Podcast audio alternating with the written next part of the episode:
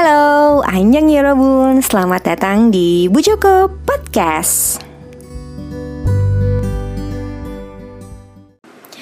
Yo Yorobun, welcome back to Bu Joko Podcast. Uh, By the way, sebelum gue lanjut uh, di, di podcast episode kali ini Gue mau mengucapkan selamat Hari Raya Idul Adha bagi Yorobun semua yang merayakannya.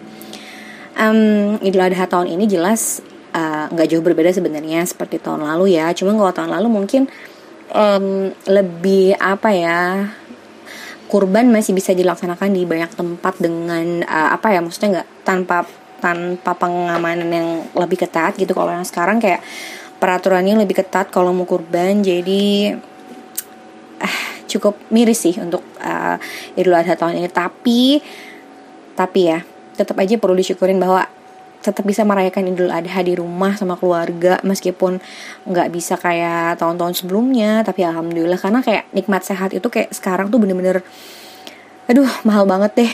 Jadi bener-bener harus disyukurin banget gitu. Ya nggak ya Robun? By the way ya Robun, di episode kali ini gue juga uh, akan tetap uh, mereview drama Korea lagi. Karena uh, itu tadi sih kayak kemarin gue sempet yang mau bahas satu hal yang non drama Korea Cuman keluarga gue lagi berduka gitu kan um, kayak ya maksudnya minggu ini tuh kayak lumayan berat sih buat keluarga besar gue ya bukan keluarga inti keluarga besar berat gitu kayak sepupu gue meninggal yang satu di Jakarta yang di Kuningan juga lagi koma. Alhamdulillah sih yang koma udah mulai um, membaik. Itu kayak miracle juga buat gue gitu bahwa dia adalah sepupu yang paling dekat sama gue juga salah satu sepupu yang paling dekat sama gue dan seumuran gue juga 29 gitu kayak lumayan kaget gue kemarin jadi sempat yang aduh gue nge-review nggak ya nge-review nggak ya? Gitu. Atau gue bikin uh, materi podcast lagi nggak ya gitu. Karena sempat yang bener-bener uh, blank gitu. Tapi alhamdulillah uh, she's getting better now. Jadi gue semangat lagi untuk bikin uh, podcast di Bujoko Podcast ini. Di awal bahwa gue akan mereview drama Korea kali ini. Drama apa?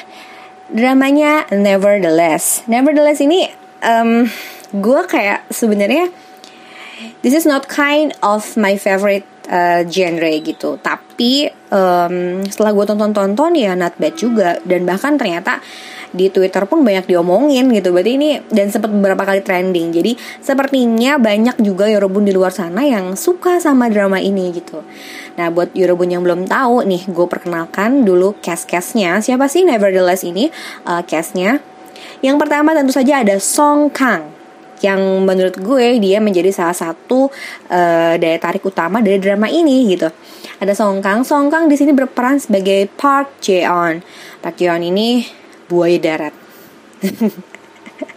buaya darat, iya pokoknya dia buaya darat lah pokoknya.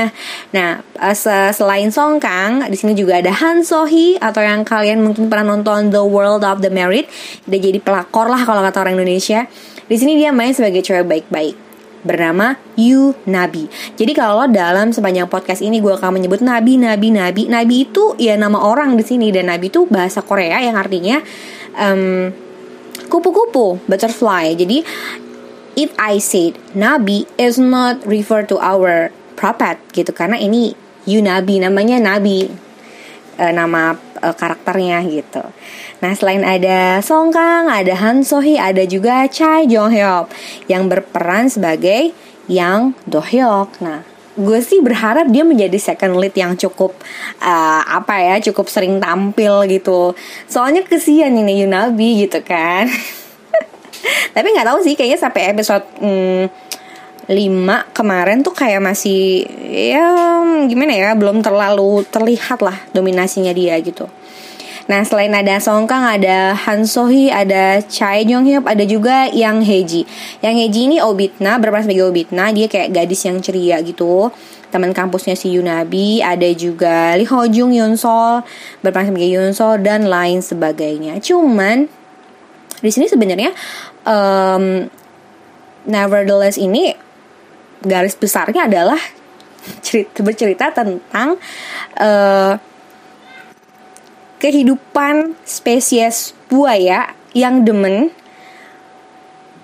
Um, gimana gue bilang ya? Jadi spesies buaya yang suka mengoleksi kupu-kupu gitu dari situ aja menurut gue udah kagak ada nyambung nyambungnya sama sekali gitu. Maksudnya kayak kenapa ada buaya darat yang seneng sama kupu-kupu? Buaya itu hey songkang Pak Jeon.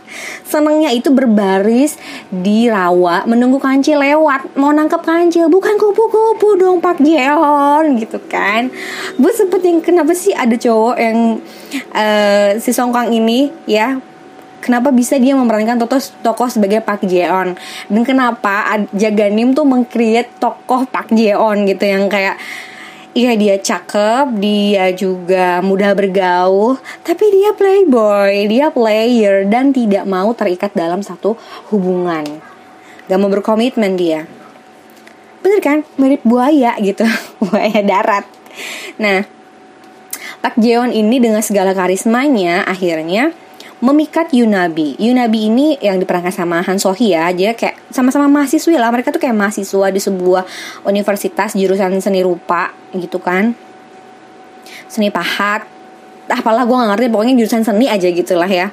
Nah, uh, si Yunabi ini dia di, dia dia dia dideskripsikan sebagai emang ya emang cantik gitu loh mahasiswa yang cantik. Uh, terus tapi dia kayak kurang beruntung dalam uh, hubungan percintaan gitu loh. Kayak yang pertama uh, pacaran lama atau tahun diselingkuhin gitu kan. Jadi kayak dia kayak agak punya trauma tapi juga kemudian trauma itu pelan-pelan hilang ketika dia ketemu Park Jeon gitu. Park Jeon ini kan buaya ya. Sementara Yunabi tuh kayak uh, perempuan yang halus gitu kan budi pekertinya cantik gitu. Ketemu sama Pak Jeon.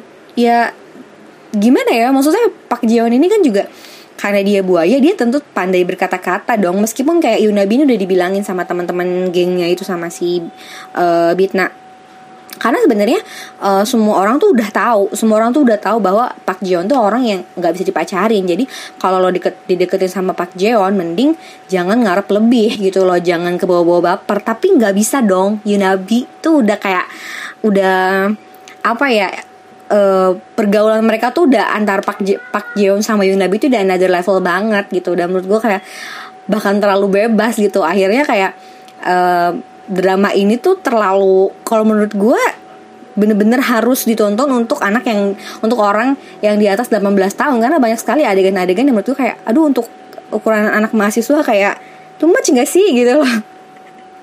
Tapi gue juga heran gitu kenapa banyak banget yang nonton. Jadi makanya gue akan uh, mencoba mereview dari uh, sudut pandang gue gitu. Nah dari menurut sudut sudut pandang gue uh, di sini tuh kayak sat uh, selama 5 episode ini memang uh, nevertheless ini kan uh, judulnya itu arti dari Koreanya sendiri tuh kayak gue tahu tapi gitu loh. Jadi menunjukkan bahwa emang si Yunabi ini tahu bukan yang nggak tahu nih kebusukan Pak Jeon nggak busuk sih. Maksudnya kayak kebelangannya Pak Jeon Pak Jeon ini kan kayak lelaki bukan hidung belang juga sih gimana ya. Dia emang nice sama banyak cewek tapi dia juga emang kayak uh, senengnya HTSan gitu TTM-an aja. Jadi kayak nggak tanpa tanpa uh, komitmen gitu loh. Nah, Nabi ini dibilangin, tapi dia tuh badek gitu loh. Kayak gue tuh eh gue jadi Nabi tuh kayak apa kelas kepala gitu ya bodo amat. Ya gue tahu Pak Jeon tuh emang kayak gitu orangnya tapi gue tetap suka gitu. Kalau kata Yunabi gitu ya emang gimana ya? Maksudnya pesona Pak Jeon sendiri emang nggak bisa di uh, gak bisa ditapikan gitu loh. Kayak emang dia gak bisa ditolak gitu loh Pak Jeon cuman yang yang mengesalkan adalah ya si Nabi ini tetap udah meskipun udah ngejauhin tapi ketika si Pak Jeonnya deketin lagi ya dia luluh lagi luluh lagi. Itu yang bikin kesel. Cuman di drama ini juga uh, menurut gue yang kemudian akhirnya lanjut nonton terus meskipun awalnya udah kayak aduh ini apa sih? Kayak sepanjang episode ngomonginnya kupu-kupu mulu. Emang iya gitu.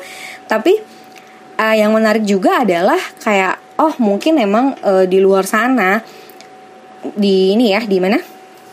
Di Korea tuh kayak um, pergaulannya tuh emang kayak gitu muda-mudi tuh kayak uh, udah di tingkat tertentu kuliahnya mereka udah yang sibuk.